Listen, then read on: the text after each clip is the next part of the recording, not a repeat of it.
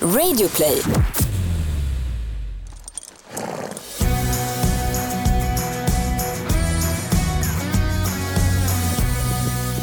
Ridklubben är tillbaka med ännu ett nytt avsnitt. Hej Rebecka! Hej Gry. Eller faktum är att den här veckan blir det liksom två avsnitt som vi släpper. Ja men precis, det blir lite specialare den här veckan. Ja, Lotta Björe är ju ska man säga, en legend inom svensk ridsport. Ja men verkligen, hon har haft fina framgångar på hästryggen inom hoppning och eh, nu är hon även eh, expertkommentator på SVT. Så fort man ser hoppning på SVT så, så sitter hon ju där och det är väldigt, väldigt bra tycker jag. Väldigt Super. omtyckt har jag förstått. Jätte, jättebra. Ja, och hennes dotter Kajsa är ju nu också framgångsrik Young Rider-ryttare. Ja men exakt, en supertalang skulle jag säga. Henne ska man hålla koll på om man inte gör det än.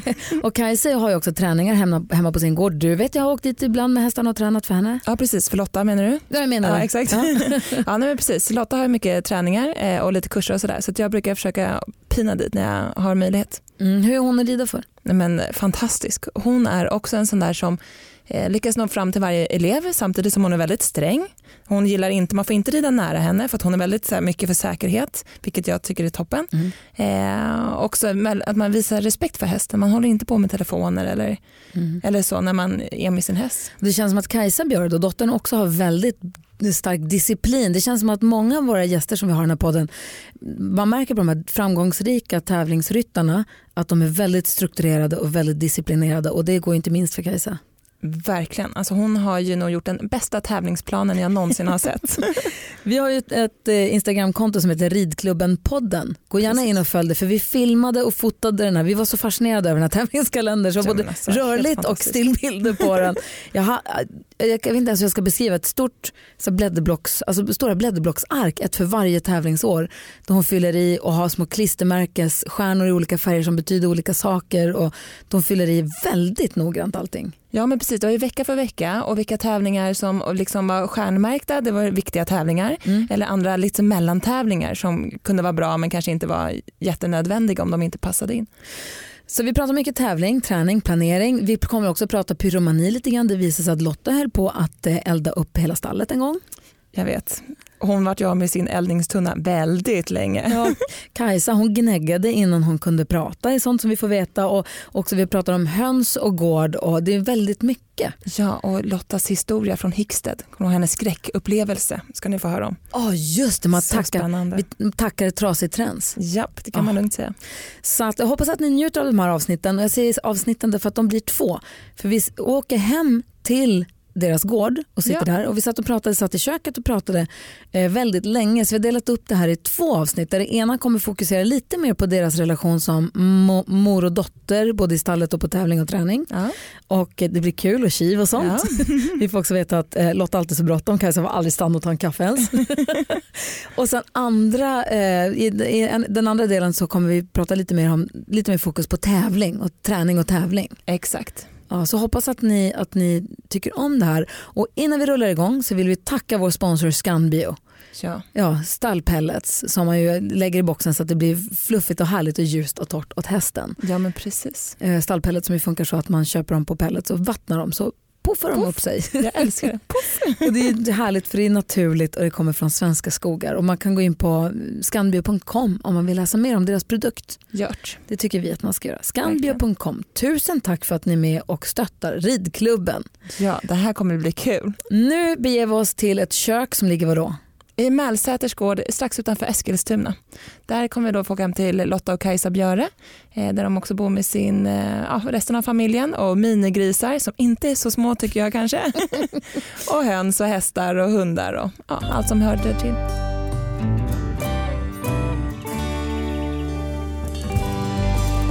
Hon är expertkommentator, före detta landslagsryttare och mycket uppskattad tränare. När hon inte mockar tio boxar om dagen så tänder hon gärna en brasa.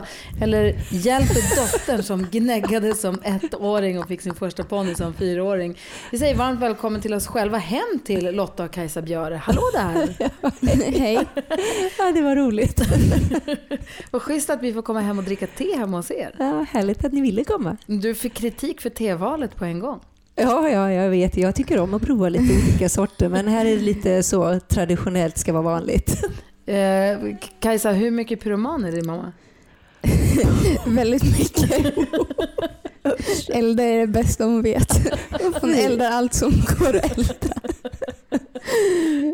Du rodnar. Ja, Ja, jag gör det. Jag, jag vet, jag håller på. Hon höll på att elda upp stallet en gång för många år sedan. Ja, och pappas Fast då var inte jag född, va? Nej, det var du inte. Men sen vågade jag, ja, men jag tände på det. Jag gillar ju när det luktar. Jag gillar att se när det brinner. Och sen lämnade jag allting och vi hade precis tagit in hö. Vi hade haft skördefest och sen så gick jag iväg in och sen plötsligt kom jag på att jag kanske ska titta hur det går på i min tunna. Och då plötsligt brann det ju i hela väggen en och en halv meter stora lågor. Och då vågade jag inte säga till Jan, min man.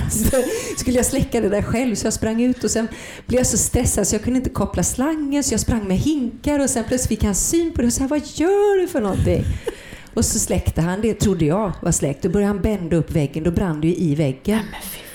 Och sen eh, lät han den där väggen vara i sju år så att jag skulle ha dåligt samvete så han lagade inte den väggen Det är på sju först för år. några år sedan du fick tillbaka din eldningstunna.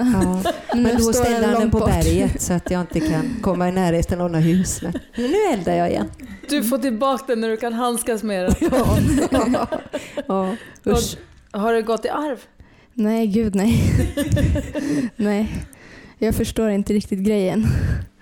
Vad är grejen?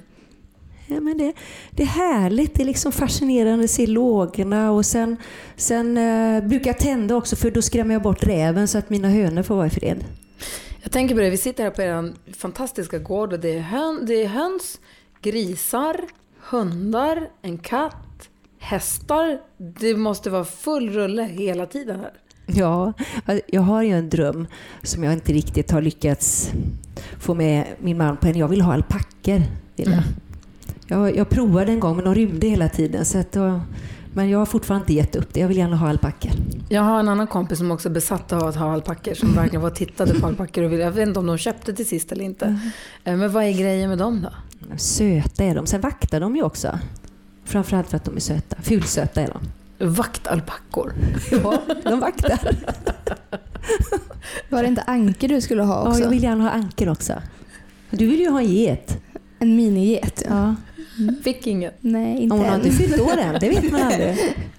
Det kanske det dyker upp en här. Mm, vem vet. Men är du uppvuxen här på gården? Ja, Ja. Och har Det du aldrig längtat bort från hästlivet och in till stan eller? nej, nej. Det kan jag inte säga. För ni bor på en gård här ute på, väldigt idylliskt, eh, en bit från stan ju. Med alla djuren. Jag tror vi bor egentligen helt perfekt. Vi är ändhållplatsen. Det känns tryggt både om hästar kommer lös när Kajsa var liten och Signe som inte är rädd för bilar så är det rätt skönt att, att det inte kommer för många hit. Och det här med att du gnäggade redan, du gnäggade innan du pratade, var det så? Eh, ja, så var det nog. Har hästarna alltid varit liksom, det var raka vägen till hästarna för dig? ja, så har det alltid varit så länge jag kan minnas i alla fall. När började, när började du rida ordentligt? Ja, jag började väl rida när jag var tre år ordentligt och red runt lite grann. Och det, jag var väl inte så gammal när jag red runt själv utan att någon höll i tror jag inte. Var det du som peppade det eller kom det direkt? Nej, alltså det, det fanns i blodet. Det, det är lite som när man ser småpojkar sådär hur man känner liksom, hur kan de vara så besatta av traktorer och bilar? Mm. Så var det för Kajsa också. Hon kunde liksom sitta där och vänta och vänta på att jag hade ridit klart för att få rida framför. Och sen så fick vi ju överta moster Emmas ja, gamla röst och som hon en gång hade när hon började sin, sin karriär. Och, och jag kommer ihåg en gång, jag blev så fruktansvärt rädd. Ja, det var har du nog inte mer än tre, fyra år och benen nådde ju inte nedanför sadelkåporna och så Elvis som han heter var så trygg. Han förstod ju liksom att han bara skulle trava försiktigt med henne. Men hon ville ju galoppera och bröt en pinne och fick upp han i galopp. Du vet, han sprang snabbare och snabbare. Jag sa släpp spöet, släpp pinnen skrek jag. Så Faster Anna hörde det som bor en bra bit härifrån kom springande och undrade vad händer för någonting. Ja, då, då var jag rädd faktiskt. Du bara satt och skrattade. Men för jag tänker det som är gemensamt för oss som sitter här det är att du då, Kajsa växte upp med din mamma Lotta, att ni, är stall, ni har stall, stallgången tillsammans. Och du Rebecka, för dig och din mamma har det varit också samma, och för mig också. Ja men precis. Min mamma har också en ridskola så då blev det också naturligt att jag började rida när jag var liten och så har jag hållit på med det sedan dess. Och min mamma red när- innan hon fick mig, sen så gjorde hon det klassiska uppehållet. Och sen när jag var tillräckligt stor så började hon rida på ridskola, så började jag på ridskola och så köpte vi häst tillsammans och så hade vi stallet tillsammans och hon blev eh, men sig i ridskolan och utbilda sig till hoppdomare. Vi var på tävlingar tillsammans och sådär. Hur pass nödvändigt skulle ni säga att det är att ha en, minst en familjemedlem med sig när man ska, om man ska hålla på med hästar? Jag tror att det underlättar ju såklart om man har lite den här hästbakgrunden från början. Men det ser man ju på många att det är inte omöjligt att liksom börja och bli duktig även fast man inte har hästintresserade föräldrar från första början. Men eh, det är klart att det underlättar. Man får tvinga med någon till sist som hjälper till med något. Ja. Vad säger du då Lotta?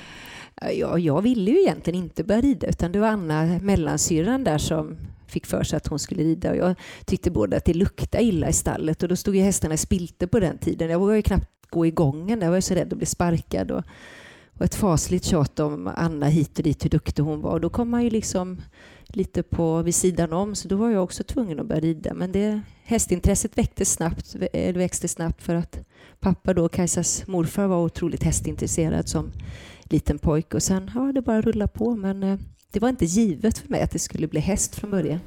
Men blev det en sporre då för dig att din syrra då tog plats och fick uppmärksamhet? Att du kände att du måste minsann också visa att du kan? Eller kunde det vara hämmande för dig också? Känna... Nej, men det var just att, eh, ja, att hon, hon var duktig och jag ville också vara duktig. Och på den vägen blev det. Sen lärde man sig ganska snabbt att tycka om det och kände kanske att man hade, ja, inte känsla då, det, det tror jag inte att jag kände, men jag, jag tyckte om eh, hästen som djur och jag tyckte om att pyssla. Jag var väl lite mer den som tyckte om att rykta och greja sådär. Anna var ju mer vild. Hon ville ju rida uppförsbackar och nedförsbackar. Jag red mest rakt fram. Och var inte Anna med den dagen så blev det ju inte kratsade hovar för det vågade jag inte lyfta fötterna på hästen. Så jag, jag var ju en fegis från början. Jag blev modigare sen. Fegis eller försiktig? Jag vet inte. Nej, men jag, jag tror att många känner så. Alltså, jag minns också, det kom sig när man var lite yngre och var lite osäker i stallet. Man kanske såg någon som hade blivit sparkad eller lämnat av. Då tyckte man att det var lite läskigt. Så jag tror att många känner likadant. Och men då är det härligt att du ändå har blivit så framgångsrik och också var lite rädd. Ja. så vi andra också vågar fortsätta. Man har, har inte alla haft den där, jag vet inte, kanske bara jag, men har inte alla haft den här pucken när man rider ponny. Jag har ridit kanske två, tre år när man börjar få lite grepp på grejerna och sånt. När man inser att det finns saker som kan hända. Att man, blir, att man har en rädd, rädd period. Jag, jag, jag kan ju bli väldigt rädd att det ska hända Kajsa saker och ting. Jag var försiktig och feg från början men pappa skaffade ju ponnyerna från England och Irland och det var ju alltid någonting som var lite liksom speciellt med dem. De hade alltid talang på ena eller andra sättet men de var alltid lite svåra så vi fick en ganska hård väg från början. Liksom. Vi fick lära oss den hårda vägen och det gjorde tror jag också att man tog inte saker för givet. Man red hästar så att man blev modig och jag, jag var nog lite övermodig ganska många år tills jag för första gången slog runt med en häst. Jag var ganska gammal då. Det måste ha varit runt young rider-åldern. Först då liksom slog man i bromsen lite och förstod att ja, det kan faktiskt hända saker, att man blir lite ja, mer klok och lite mer eftertänksam. Jag menar, Anna och jag, vi hade ju sån sport liksom att skulle man hoppa över järngrinden in till paddocken, den var 1,30 hög, eller hoppa över staketet 1,20 från vägen, det var två val. Och det, det, vi öppnade ju aldrig grinden, utan vi valde staketet om ponnyn kanske var mindre bra och grinden om den var bättre. Så höll vi på. Du hör att det är tokigt va? Ja, jag skulle ju aldrig låta alltså, Kajsa få göra något sånt. Och tävla fälttävlan gjorde jag ju också. Hade en ponny som inte var så lätt att stanna. Det skulle ju aldrig Kajsa få tävla fälttävlan för mig. Aldrig i hela livet. Vad säger du Kajsa? Ja, jo, det är väl så. Men Nicky då, min dotter som är nio, vet ni hur hon laddar upp när hon ska gå på ridskolan? Hon sitter och tittar på YouTube och söker på horse fails. ja, men jag, bara, det är det sämsta man kan göra. Det när folk jag... ramlar av hela tiden. Det vad jag också säger till henne. Varför sitter du och tittar på det här? Hon sitter och tittar på folk som har gått omkull och ramlat av och så. Och det är henne, hon bara sitter och laddar upp. Men hur fan kan det hjälpa dig? Blir du inte rädd? Nej, så, jag tror att hon tänker... Jag tror att hon formulerade det som så att hon tänker att det gick snett för dem men det gick ändå bra och det kan, alltså, skit kan hända alla och det är lugnt. Att det på något sätt stärker hennes självförtroende. Jag fattar inte det. Nej, när du pratar om, om det här att titta på fall och sådär. Jag har ju ett speciellt minne. Jag var i Hickstedt och hade eh, en, en, en häst som hoppade väldigt bra på stora hinder, väldigt speciell bana. Och jag är fruktansvärt höjdrädd. Inte att hoppa höga hinder, men jag vågar inte åka Parishjulet, jag vågar inte stå på en stege, sådana saker. Och det här Hickstedt-derbyt, det var ju liksom banken där, jag tror att den är sex meter och det är verkligen stupa rakt ner. Och det var ju den som var mitt problem då. Inte liksom hinnan som är 1,50 eller 1,60 men just den där banken. Och då för att kvala till det där måste man göra en Derby Trial som det heter och jag liksom tänkte jag kvalar aldrig in ändå så gjorde jag det. Och under den där veckan eh, som gick innan det var dags då för derbyt så i lilla sekretariathuset där gick det en liten tv-monitor just på alla fall som var från den där banken under alla år. Och jag drömde mardrömmar om det. Jag var så jäkla rädd så att jag, jag kände bara den dagen jag vaknade och det var dags. Eh, jag hade så ont i magen. Det var så stressande och ändå visste jag att jag satt på en häst som var så trygg. Och vad som hände var att jag kom runt hörnet, hoppade upp, den går i två etapper, kom upp för branten, står där precis, hästen är på väg att kasa ner, jag rider på ett hackamål, står över och det brister så jag har hela tränset i, i eh, liksom magen. Jag lovar, jag har aldrig varit så snabbt av en häst någon gång. Och jag var så jäkla glad att det hände så jag slapp rida ner från den där banken. Vilken mardröm! Varför försöker du kvala till, till något du inte vill vara med på? Nej, men jag har aldrig gjort det någon mer gång. Fy vad hemskt! Rebecka har ju tränat för dig några gånger. Jag hur mycket har du ridit för, för Lotta? Nej, men ganska, kanske i åtta år, lite till och från. Du var på lite kurser för Lotta eh, och Sylve när ni var på Rekasta tillsammans. Eh, och så kommer du till oss nu ibland på Gustavsberg och då brukar jag försöka passa på att träna. Och hur, ska, hur, är, hur är hon att rida för? Men fantastisk. Alltså Lotta är en sån där som man skulle gärna vilja ha som sin mamma, så jag är jätteavis på dig Kajsa. men sen förstår jag att det inte är samma sak att ha henne som mamma och som tränare. men, nej, men otroligt pedagogisk och eh, när man har stått och tittat på dina träningar också Lotta, så eh, du är ju så här, en otrolig förmåga att nå ut till alla. Även om man är kanske nybörjare, precis lärt sig att börja hoppa och behöver lära sig lite grunderna, eller om man har ridit SM och är väldigt bra och har mycket känsla, så känns det som att men du, du är verkligen bra på att nå ut. Hur tänker du när du, när du har elever? ja, tack Rebecka, jag blev faktiskt lite så här rörd och generad. Nej, men jag, för mig är det så viktigt att man kan sänka sig eller lägga sig på allas nivå.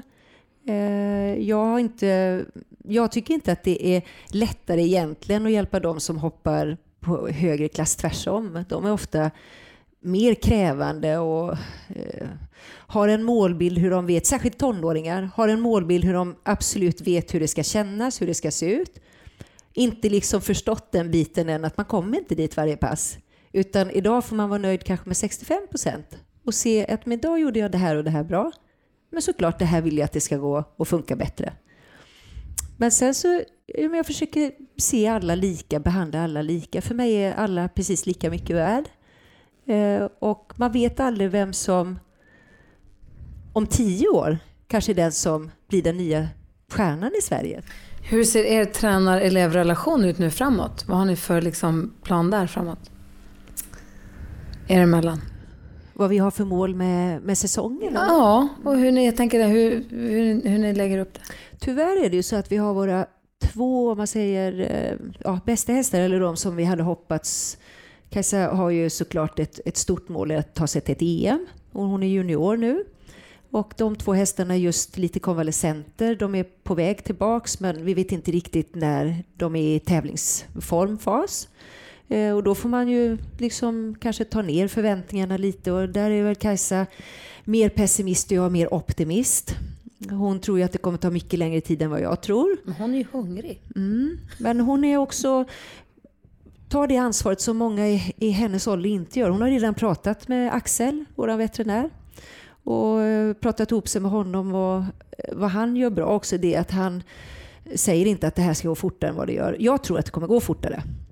Men eh, ja, framförallt få dem på fötter och att vi tävlar våra andra hästar. Vi har en, en ny häst in i stallet som vi inte har tävlat. Den ska bli jättespännande och se vad det kan bli av den. Så att vi, vi, det, första målet nu är att försöka kvala till Skandinavium med, med vår fina Holiday som vi får låna. Så att det, det är väl det första delmålet och sen får vi se var vi landar någonstans. Och under tiden så ser vi väl varje häst vad det är för någonting när vi kommer på tävling som ekipaget liksom behöver finslipa och justera lite på. Där är Kajsa väldigt bestämd. Men hur vad, ha det. Vad har du Kajsa som du känner att du måste slipa på? Ja, allt i stort sett. Och det är väl där vi blir lite oense också när vi mer och mer när vi tränar tillsammans för att mamma inte säger någonting och jag tycker att jag känner saker som jag tycker ska bli bättre men hon säger att eh, ja, nej men det är bra och sådär. Och då blir jag lite irriterad. Eller frustrerad kanske man ska säga. För att jag vill ju framåt liksom och bli bättre men får inte så mycket eh, respons liksom. Och vad är det du känner, vad är det du känner att du skulle vilja slipa på då? Nej men alltså jag kan inte sätta fingret just på det men egentligen det som jag behöver mest det är ju egentligen att tävla. Jag behöver mer rutin. Samla på mig mer rutin så att jag kan bli bättre, liksom etablera mig i lite större klasser än vad jag just nu är etablerad i. Och det som sagt blir ju lite i nuläget svårt eftersom mina två bästa hästar inte är på tävlingsbanan för tillfället. Men eh, jag har några andra hästar som är bra för mig också där jag kan fortsätta och få runder i kroppen liksom i den, på lite 1,30-1,35 nivå. Eh, och det är fortfarande, visserligen 1,30 nivå är jag väldigt säker på nu och 1,35 relativt men det, ju mer jag får tävla ju bättre är det. Så att eh, tills vidare så får vi nöta på liksom tills vi kan ta nästa steg. Ett poddtips från Podplay. I fallen jag aldrig glömmer djupdyker Hasse Aro i arbetet bakom några av Sveriges mest uppseendeväckande brottsutredningar. Går vi in med hemlig telefonavlyssning och, och då upplever vi att vi får en total förändring av hans beteende. Vad är det som händer nu? Vem är det som läcker? Och så säger han att jag är kriminell, jag har varit kriminell i hela mitt liv men att mörda ett barn, där går min gräns. Nya säsongen av Fallen jag aldrig glömmer på Podplay.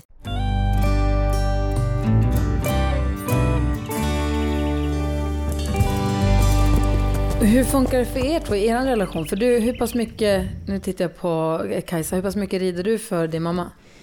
Faktiskt inte jättemycket. Mamma jobbar ju ganska mycket så och eh, hon är ofta hemma på förmiddagarna och då är jag i skolan. Så kommer jag hem då har hon åkt och jobbat.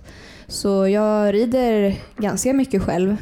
Men i alla fall en gång i veckan försöker vi ju träna och hoppa tillsammans och ofta inför tävlingarna då hoppar vi igenom hästarna tillsammans och så. Men eh, eh, det är inte så att vi tränar varje dag tillsammans. Och, men det är inte alltid nödvändigt heller. Liksom, utan, eh, och hur funkar det att rida för henne? Jag, alltså jag ska inte säga att jag red lektion för min mamma, men när vi hade vår ponny tillsammans. Om, hon, om min mamma sa att jo, men jag såg att du red, tänk på det här och det här. Så det var ju svårt för mig att, att acceptera. Då menar jag att det, det, går inte, man kan inte göra så. Jag argumenterade emot henne i allt. Mm. Men sen så kommer min ridlärare och säger exakt samma sak. Så bara, ja men självklart, självklart. Eh, men hur funkar det för er då? Får jag säga först? ja. Det var inte så länge sedan vi faktiskt hade uppe det här på tapeten där eh, eftersom Kajsa är väldigt hård på sig själv, väldigt självkritisk, så vill jag inte att hon ska vara som många tjejer, för picka på sig själv, utan istället liksom att tro på det de gör, att de gör väldigt många saker bra. Ehm, så då upplever Kajsa många gånger att jag säger ingenting alls. Eller så säger jag, men det är bra. Ja, men så bra kan det inte vara. Någonting måste jag ju kunna göra bättre. Och där är det en balans, balansgång för mig. Där vill inte jag säga för mycket för att du blir lite besatt av saker och ting. Då tränar du bara, bara, bara på det liksom helt hysteriskt. Utan jag tror att det är så viktigt Eh, naturligtvis man ska ha vägledning och få bra verktyg att jobba med, men känslan är så viktigt. Alltså man måste koppla på hjärtat. Det är så viktigt ihop med att man är ambitiös och hängiven och så vidare. Och alla de där bitarna tycker jag att Kajsa har och därför är jag lite försiktig med att säga för mycket. Jag ber hellre Jens säga saker och där kan du tycka att jag är lite ointresserad, att jag inte engagerar mig. Håller du med? Ja, men det har ju varit så mycket kanske ännu mer på senaste tiden. Jag tycker att när jag var lite mindre då tränade vi väl väldigt bra tillsammans tycker jag. Men det har väl blivit kanske lite, lite sämre på senare tid. Men det är, det är väl så det blir ibland. Kan du höra när Jens säger grejer att aha, det här är en mamma som har sagt att han ska säga? Nej, nej. Nu var det så länge sedan också för Jens har ju flyttat ner till Flyinge. Det, eh, och det är jättetråkigt eftersom, ja, men jag tränade ju rätt regelbundet för, för honom då men nu blir det ju svårt. Nej men som sagt, vi funkar jättebra tillsammans att träna och egentligen funkar jag och mamma bra tillsammans också men som sagt jag blir lite, hon säger inte så mycket så att eh, det är lite därför också jag blir så besatt av att göra någonting när du väl säger någonting, för, för du säger ju ingenting. Men som jag förstod det, så du, håller, du, ska, du går nu natur. Ja. Och vad satsar du på? Vad vill du jobba med? Nej, alltså det vet jag inte riktigt. Jag vill ju rida. Eh, men planen är ju att eh, ha en bra utbildning då om det inte skulle gå vägen med hästarna av en eller annan anledning så är det bra att ha någonting att stå på. Och jag har eh, relativt lätt för mig i skolan och tycker Vad hade du för betyg i nian när du gick ut nian? Ja, jag hade A i allt när jag gick ut nian. Tänkte inte men nästan. För du är, du är väldigt noggrann, eller hur? Ja, Och vill att det ska vara bra allt. Ja jo, ja, men jag är ganska mycket perfektionist liksom och gillar inte att lämna saker åt slumpen. Men då förstår jag, kan verkligen förstå dig. Det måste vara en jäkla balansgång då. Om du vet att du har en Ja, dotter det. som är så, nu pratar jag om det som att du inte är. Men man har en dotter som är så plikttrogen eller vad man ska säga, eller duktig Ja. och, och vill göra rätt och vill göra bra. Då måste man bli livrädd för att Mm. ge för mycket, eller st- ställa för mycket krav, eller? Jag är livrädd ibland. Ja. Det är jag.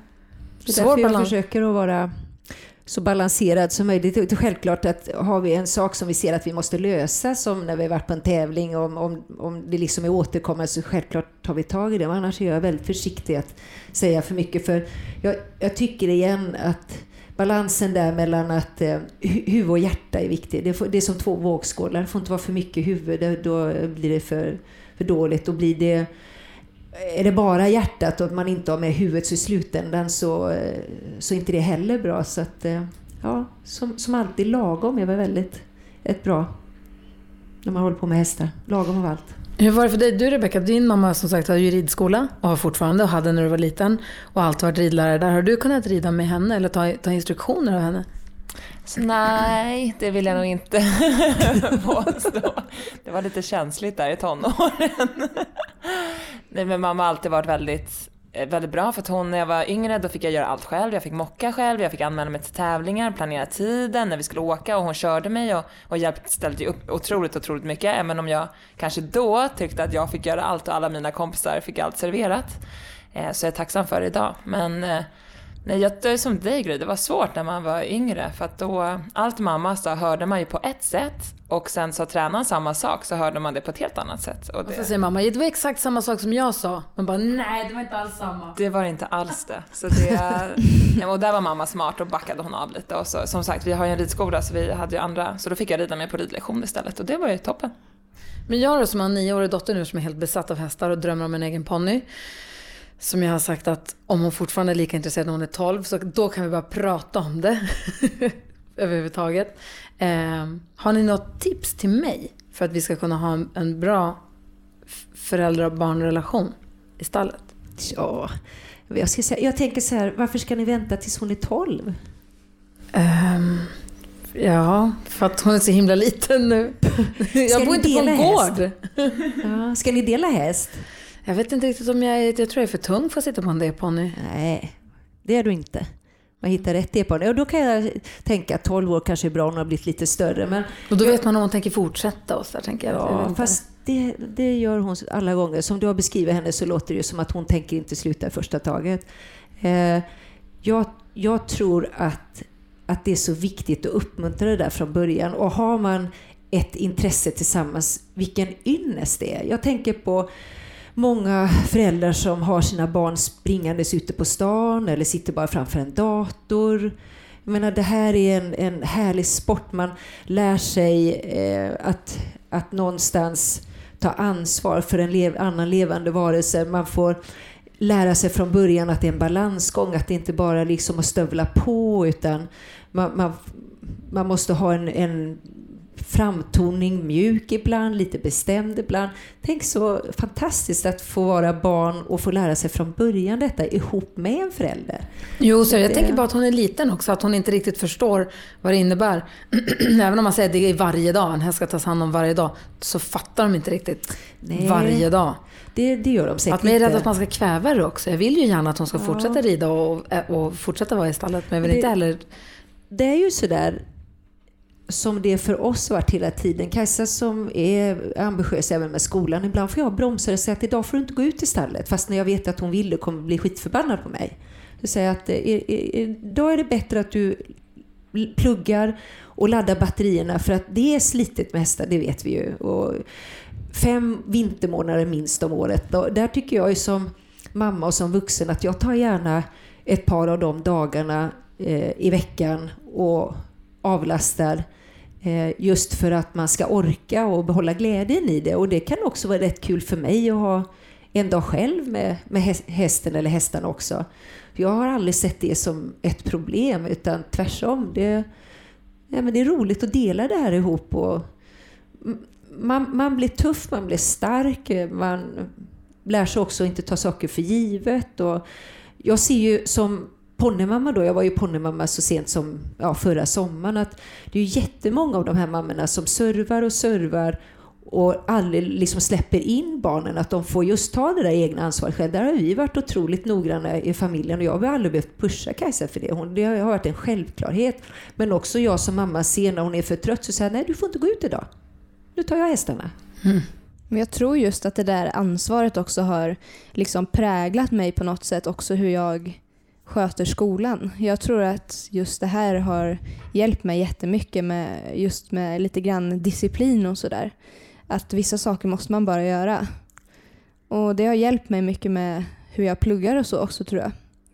Att jag faktiskt får saker gjort och ja, men inte lockas av andra saker som kanske jag hellre gör än att studera och sådär. Kolla, de sitter och säljer en ponny. Jag lovar, det finns en D-ponny där ute i stallet. Jag tänkte precis säga det. Du måste nog köpa en ponny nu Gry.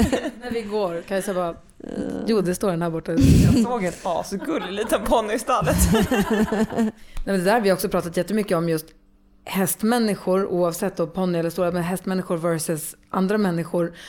Att man som hästmänniska, att man vet att man kan inte gå hem förrän jobbet är gjort. Nej. Man står på något jävla tävling någonstans i ösregn, men man kan inte gå, och hästen vägrar gå in i, i transporten. Det går inte att gå hem. Du kan inte bara lämna den och gå, eller man får inte in dem från hagen. Nej men du, du, hästen ska in innan du kan gå. Som du säger, man måste bara få det gjort. Ja. Och det där är någonting som man har med sig, tror jag också, resten, resten av livet.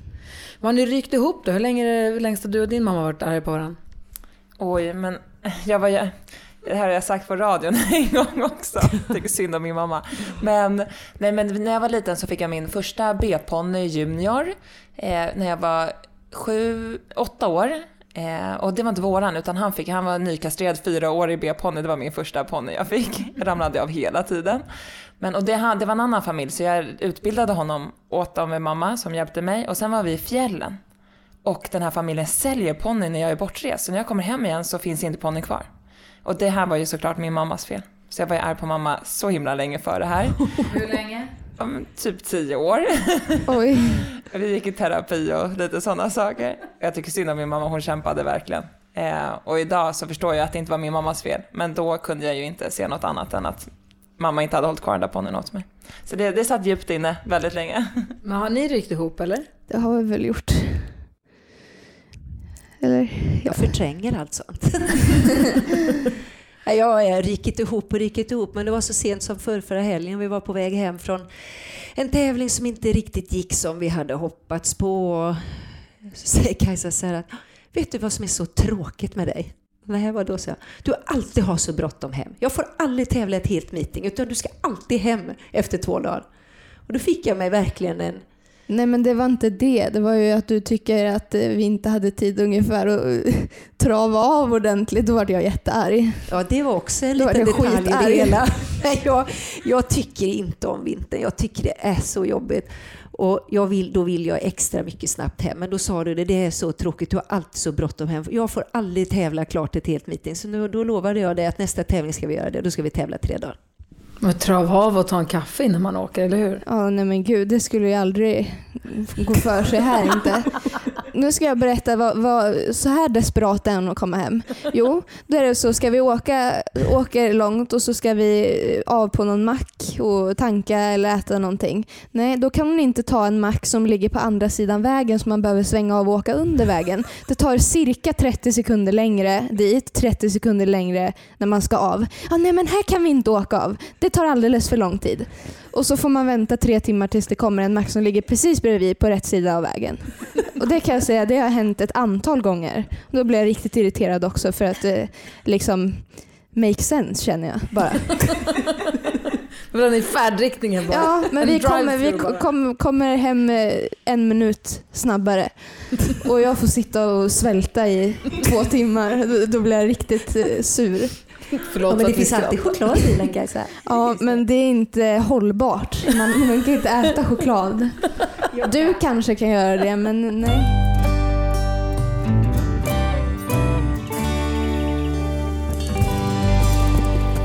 Tänk att det är så roligt att prata om hästar och ridning. Det är helt sjukt faktiskt. Om du ska bjuda, Lotta, om du ska bjuda oss på ditt bästa stalltips, vad blir det då? Ja, oj. Eh, Jag skulle nog säga att eh, gör det inte för komplicerat, det är svårt nog som det är. Använd sunt bondförnuft och gör det enkelt. Oh, tack.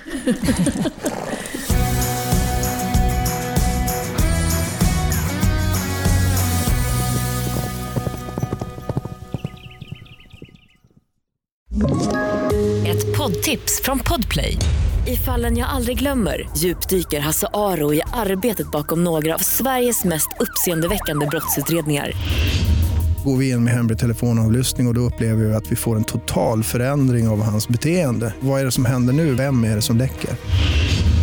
Och så säger han att jag är kriminell, jag har varit kriminell i hela mitt liv men att mörda ett barn, där går min gräns. Nya säsongen av Fallen jag aldrig glömmer på Podplay.